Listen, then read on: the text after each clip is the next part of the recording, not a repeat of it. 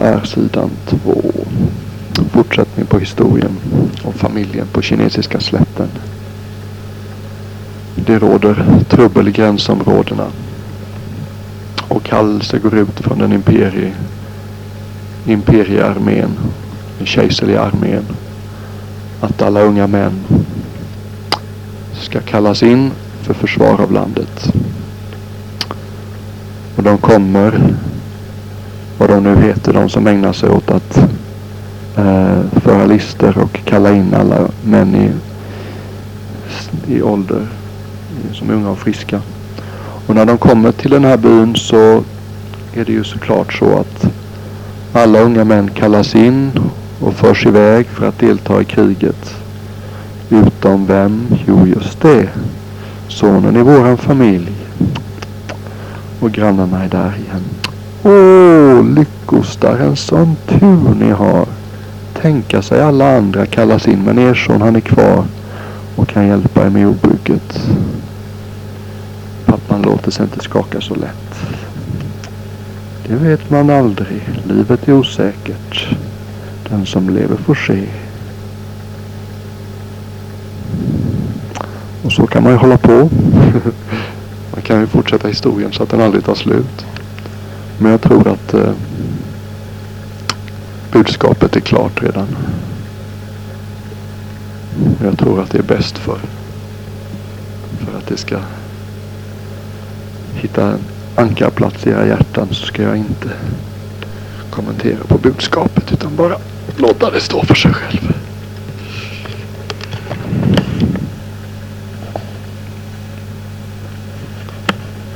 Jag känner mig lite svag. Efter att inte ha ätit på hela dagen. Ätit en del honung och te på eftermiddagen. Och när man inte äter, när magen är tom och man laddar upp med honung så blir det rätt konstigt. Eh, eller socker också för den delen. Liksom en sockerkurva som går skarpt uppåt och sen så går den lika skarpt neråt. Så känner man sig svagare än man hade gjort om man inte hade ätit honung så småningom.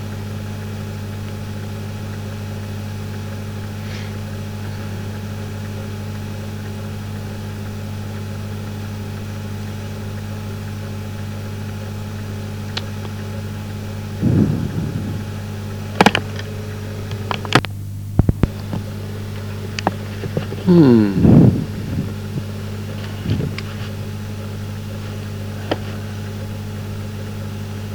Precis, precis varit väldigt fint väder i fyra, fem dagar. April var helrutten. Och nu tycks det ha mulnat över lite igen. Vackert. Köken har gått Gått alldeles tokiga idag. Kokoat hela dagen.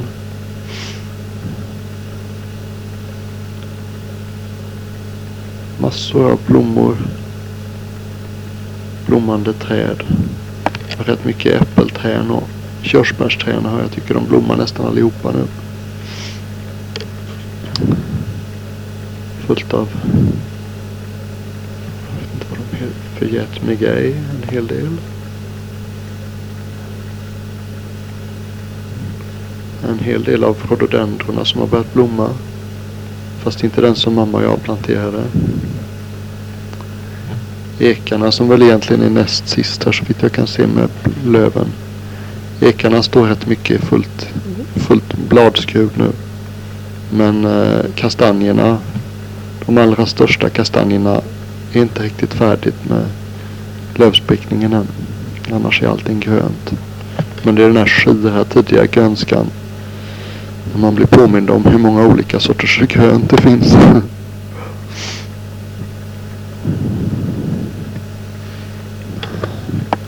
Det är en väldigt lång, lång vår här. Om man kallar det vår. Redan i januari så eh, kommer snödropparna. Vad säger man på svenska? Snödroppar. Ja. Och sen eh, står de rätt mycket fram till Säg slutet av januari kommer de ofta. Början av februari. Och sen i mitten på mars då är magnolian, magnoliaträden i blomning. Och påskliljorna är inte mycket efter magnolian. Så de är nog i slutet på mars, kanske till och med mitten på mars. Ja. Ja just det, i slutet på mars var vi på Ammanavati och då hade de redan börjat här. Så det är nog mitten på mars som de börjar också. Och det mest spektakulära det är nog blåklockorna. När jag går ut i min hydda så är det de tycks trivas speciellt bra under ekar. Det är stora det är fin ekskog på vägen ut hit. Och då är det som en stor matta av lila blått. De luktar ju jättegott också. Speciellt när man böjer sig ner lite och liksom står i höjd med dem så är det som en stor blålila matta. Massor av fåglar. Jag har sett eh, mandarinankorna. som jag hade talat om innan. Nick beskrev väldigt komiskt. Det är tydligen den enda anksorten som gör sitt bo uppe i trän. De är inte speciellt habila eh, träd, trädvarelser. Liksom. De vankar omkring där på trädgrenarna väldigt osäkert precis som man förväntar sig att ankor ska göra. Och eh, jag vet inte om det är hannen eller honan men en av dem är magnifik. En eh, guldbrun fjäderskrud på sidorna. Och sen, jag har inte sett dem framifrån men bakifrån så ser man då en har liksom ett, som en stor vit mask i ansiktet ovanpå det här guldbruna. Och sen en svart mask utanpå den vita. Och sen en slags nästan som en kam. Mohikan, mohikankam som sticker inte uppåt så mycket utan mer bakåt. I svart. Jättevacker. Men ganska skygga så. Sett dem två gånger sista tiden men det är liksom när man går lite tyst och så. Helt plötsligt ser man dem bara men så fort de hör en så flyger de iväg.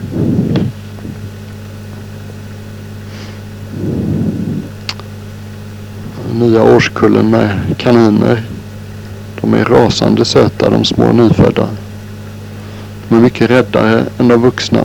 Så att man ser, när de är små så ser man inte så mycket av dem men så småningom allt med åren går så upptäcker de att vi inte är farliga så att de blir mer och mer avslappnade. Men det är på gott och ont för det finns gott om rävar här i markerna. Så då och då ser man en räv stryka kring. En gång såg jag till och med en räv som kom lufsande när jag gick gående meditation med en kanin, blodig kanin i, i munnen. Påminns man om att livet inte är så gulligt ens för kaniner som det verkar på ytan. Grannfarmen. Det är ett sånt där jordbruk med lite djurfarm för barn. De har bland annat en påfågel. Men påfågeln han trivs inte så bra hemma så han brukar komma rymmandes till oss. Han trivs speciellt bra kring abbotens hydda. En gång när vi reciterade munkreglerna. Så innan vi skulle börja så bugade vi oss alltid mot buddhastatyn och han stod i ett burspråk som mamma känner till och kanske pappa kommer ihåg också under abbotens hydda. Och eh, där går liksom marken upp precis bakom burspråket utanför. Så det föll sig så att när vi bugade så stod fasanen eller eh, påfågeln där. Eh, I sin, den väldigt vacker, den här blåa skinande färgen på överkroppen. På halsen blir det nästan neonblått. Och den stod där i burs, utanför burspråket i höjd med oss det kändes som att vi allihopa bugade till påfågeln och han stod där och tittade stolt men lite förundrat på oss. Jag tycker han måste titta på räcket i balkong, balkong, balkongräcket på Abbottens hydda. Vilket är något av en huvudvärk när man är, tar, hand, tar hand om abboten för det innebär att man måste tvätta bort påfågelbajs titt som tätt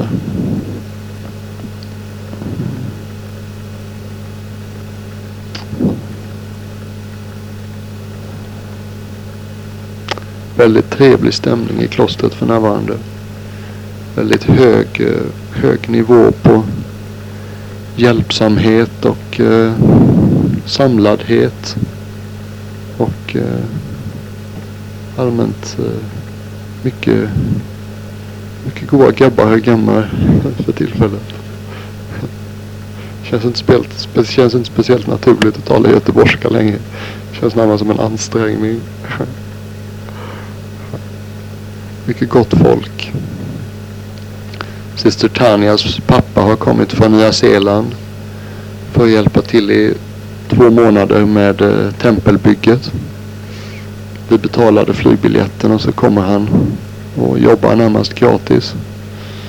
Han bor i en, eh, en husvagn borta vid Norra fältet kallar vi det där. Där vet jag hade de här jättestora upplagringen, lagerplatsen av eh, ved och trä. Och Jeffrey från Melbourne. Han är gift med en thailändska och han är snickare. Och har hjälpt dem med ett eh, kloster med två västerländska munkar i Melbourne. De har byggt stora delar av klostret där. så han kommer och hjälper oss på samma villkor. Väldigt eh, godhjärtade och fina människor. Det var den här fördelen när man inte kan ge betalt. att man får bara folk som är som kommer av de rätta skälen. Och eh, en ung amerikan som heter Vincent som har hjälpt till att eh, levt i klostren, våra kloster i Nya Zeeland och Australien. Vi skickade e-mail till alla våra kloster och sa att det fanns den här möjligheten att du har några frivilliga som hade lite byggkunskaper som ville komma och bo med oss i ett par månader så var vi beredda att betala flygbiljetter för dem. Så Vincent han har kommit också. Han är också väldigt fin kille. Han är som allt fler människor väldigt om sig och kring sig när det gäller sin mat. Det finns ju numera många människor som eh, har en massa idéer om vad de inte kan äta. Han kan inte äta, inte äta på gröt på morgonen därför att det inte är organiskt, eh, organiskt eh, havregryn. och, eh, vill egentligen bara ha råris och inte vanligt ris. Samtidigt så stoppar han i sig kakor någon gång och då och då på eftermiddagen. Då får Nick liksom säga till honom, hallå där. Du är så noga med maten vad det gäller andra saker men du lever faktiskt i ett kloster där vi inte äter på eftermiddagen så att du kan inte äta kakor hur som helst. Och de är väl inte organ, speciellt organiska heller förresten.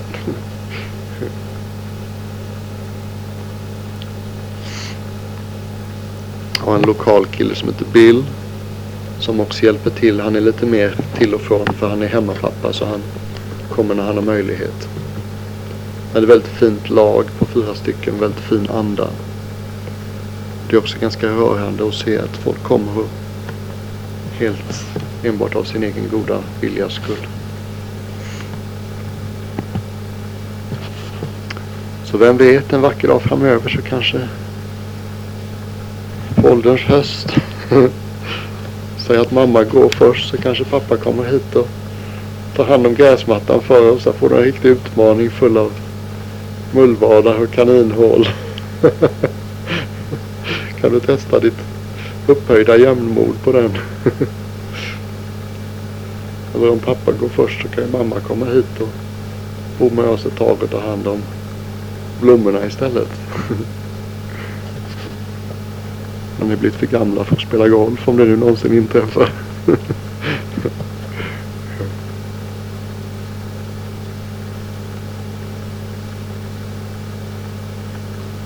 Den blir nog fin när den blir klar, dammarhallen.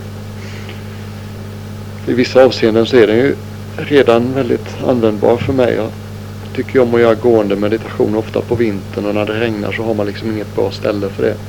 Men nu har man ett ställe med tak och väggar. Och blir det så småningom lite fönster och dörrar på så blir det en utmärkt plats även om det inte är uppvärmd än på ett tag.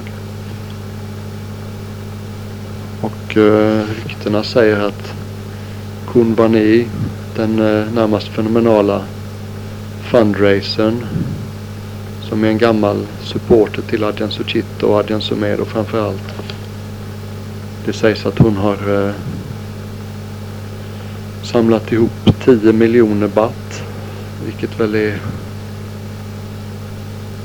ungefär, jag vet inte vad dollarn eller vad batten står i men jag skulle gissa att det är nästan 300 000 dollar. Vilket tydligen täcker en stor del av nästa års kostnader. Och då blir det liksom så att vi har eh, The Cloisters, eller de här klostergårdarna klara. Taket klart. Och en del av inredningen tror jag ingår i det också. Jag vet inte hur mycket det är ju sanslöst dyrt att bygga nu för tiden.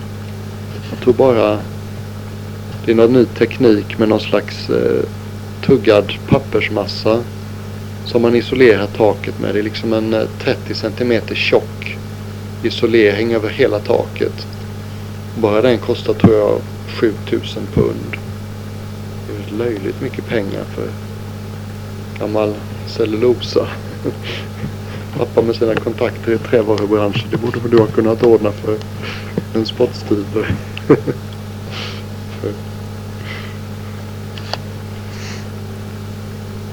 mm. Så vi hade vår Vesak firning i den nya dammarhallen. Med matte på golvet. Och det är inte speciellt ljust där inne. Det är ganska mörkt. Konceptet har liksom varit en skogs... For en Forest Grove. Skogsglänta. Så att det är inte menat som en ljust, ljus plats på samma sätt som den nya templet på Amaravati är ju menat som en väldigt ljus och öppen och luftig plats. Och nu är det ju inga tak i fönstret. Det blir något ljusare när fönstertaken kommer in. Men det är ganska mysigt ändå i halvmörkret på grund av de här trä i taket så är det liksom trä överallt. Man ser bara trä. På Amaravati har de ju, vad säger jag? Det är ju då, de har ju inte låtit trästrukturen vara kvar i taket. Eller vissa av de stora bärande strukturerna är kvar synliga. Låter det som om någon kommer tycker jag. Kanske inte. Ja, det är göken nu. Medan hos oss så har vi då eh, valt att lämna allting som trä i taket, vilket är väldigt vackert. Väldigt vackra former på de olika bärande lagren av balkar och pelare. Mm.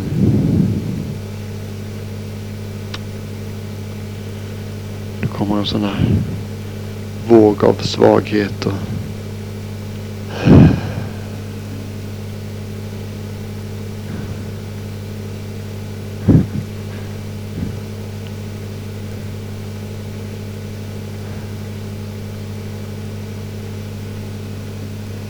jag sätter mig upp så känner man sig kanske inte kaxigare.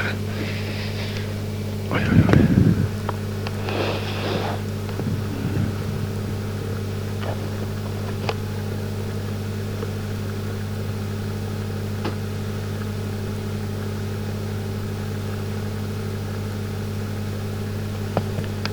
Jag tror inte det är så mycket för att jag inte har ätit ordentligt idag som jag är trött utan det är mer just effekten av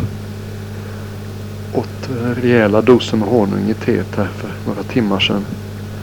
Ofta tar de här sockerrasen, de dyker upp sig tre, fyra timmar efter sockertillförseln. Och jag hade te lite tidigt idag vid fyra tiden i några olika omgångar. Så det stämmer precis med klockan. Oj, oj, oj, oj, oj.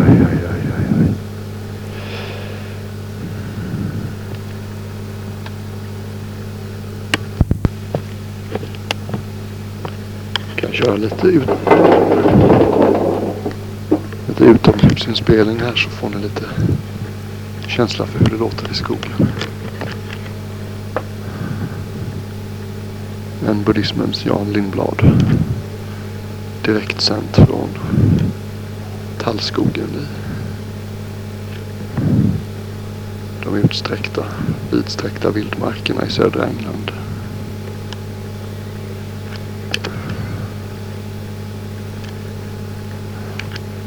Mycket hackspett i markerna nu för tiden.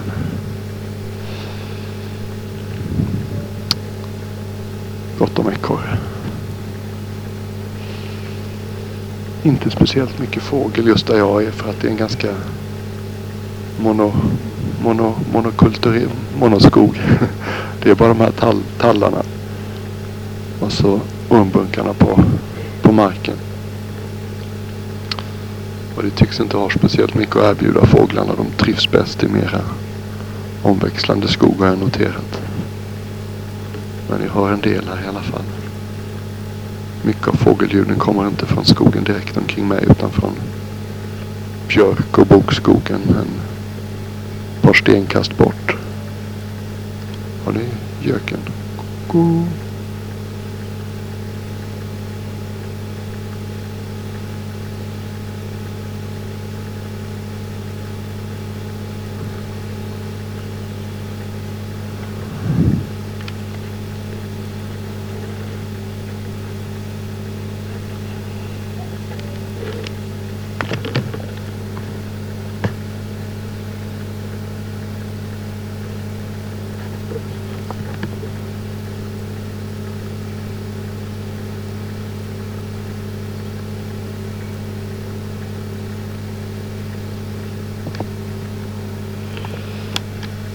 Nej, jag är nog lite för matt för att fortsätta kassettbandet tror jag. Det får nog bli bra med det här. Vackert så tycker jag. En timmas, timmas talande. På sätt och vis kanske en fördel. Chansen är väl större att ni lyssnar på hela bandet om det inte är så långt. Så återigen så önskar jag mamma en riktigt fin födelsedag. Den är väl kanske över vid pass när du har lyssnat på det här. När du lyssnar på det här. Hoppas att den blir trevlig. Att du blev ordentligt hyllad.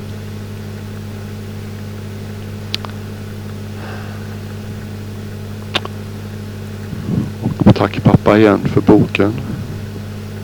Det var en väldigt eh, fin present. Fina ord. Roligt att få lära känna dig lite bättre. Lära känna sidor av dig som jag inte har känt så väl innan. Din ungdom och ditt yrkesliv. Och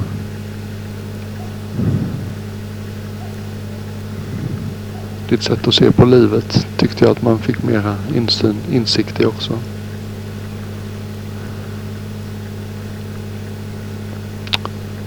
Också passa på att gratulera Hans och Hanna till er förstfödda. Det ska bli väldigt kul att träffa henne. Jag har ju aldrig tyckt att små barn har varit speciellt vackra. Jag har alltid tyckt det var lite konstigt det här. Upplevelsen av att besöka någon som precis har fått barn. Eller har fått barn de senaste månaderna. Så ser man hur föräldrarna är alldeles till sig över hur söta och gulliga deras barn är. Tittar man de här små, små sakerna i, i vaggan. Små röda skrynkliga bleka, skrikande, illaluktande små sakerna. Så ja, det är ett litet liv, det, det är det ju. Som man kan känna mycket värme över. Men söta och gulliga, det kan jag inte riktigt känna. Vem vet, det kanske ändrar sig. Jag tror jag på sätt och vis har mer lätt för att känna värme och tillgivenhet för en liten sak som har fått en en eller två dåliga kort med sig i sin kortlek. Det gör dem på något sätt mer mänskliga tycker jag.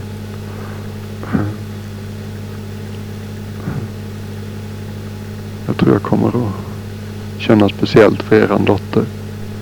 Jag har alltid tyckt att det saknades en dotter i familjen i vilket, i vilket fall.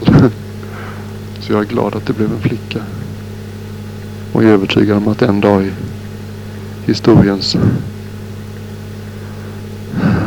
säga, backspegel så kommer vi att se tillbaka på hennes fysiska eh, ska vi säga, jag vet inte om man kallar det ett handikapp eller speciella svårigheter som någonting som hade många välsignelse med sig och som ledde till mycket gott också. When the going gets tough, the tough get going.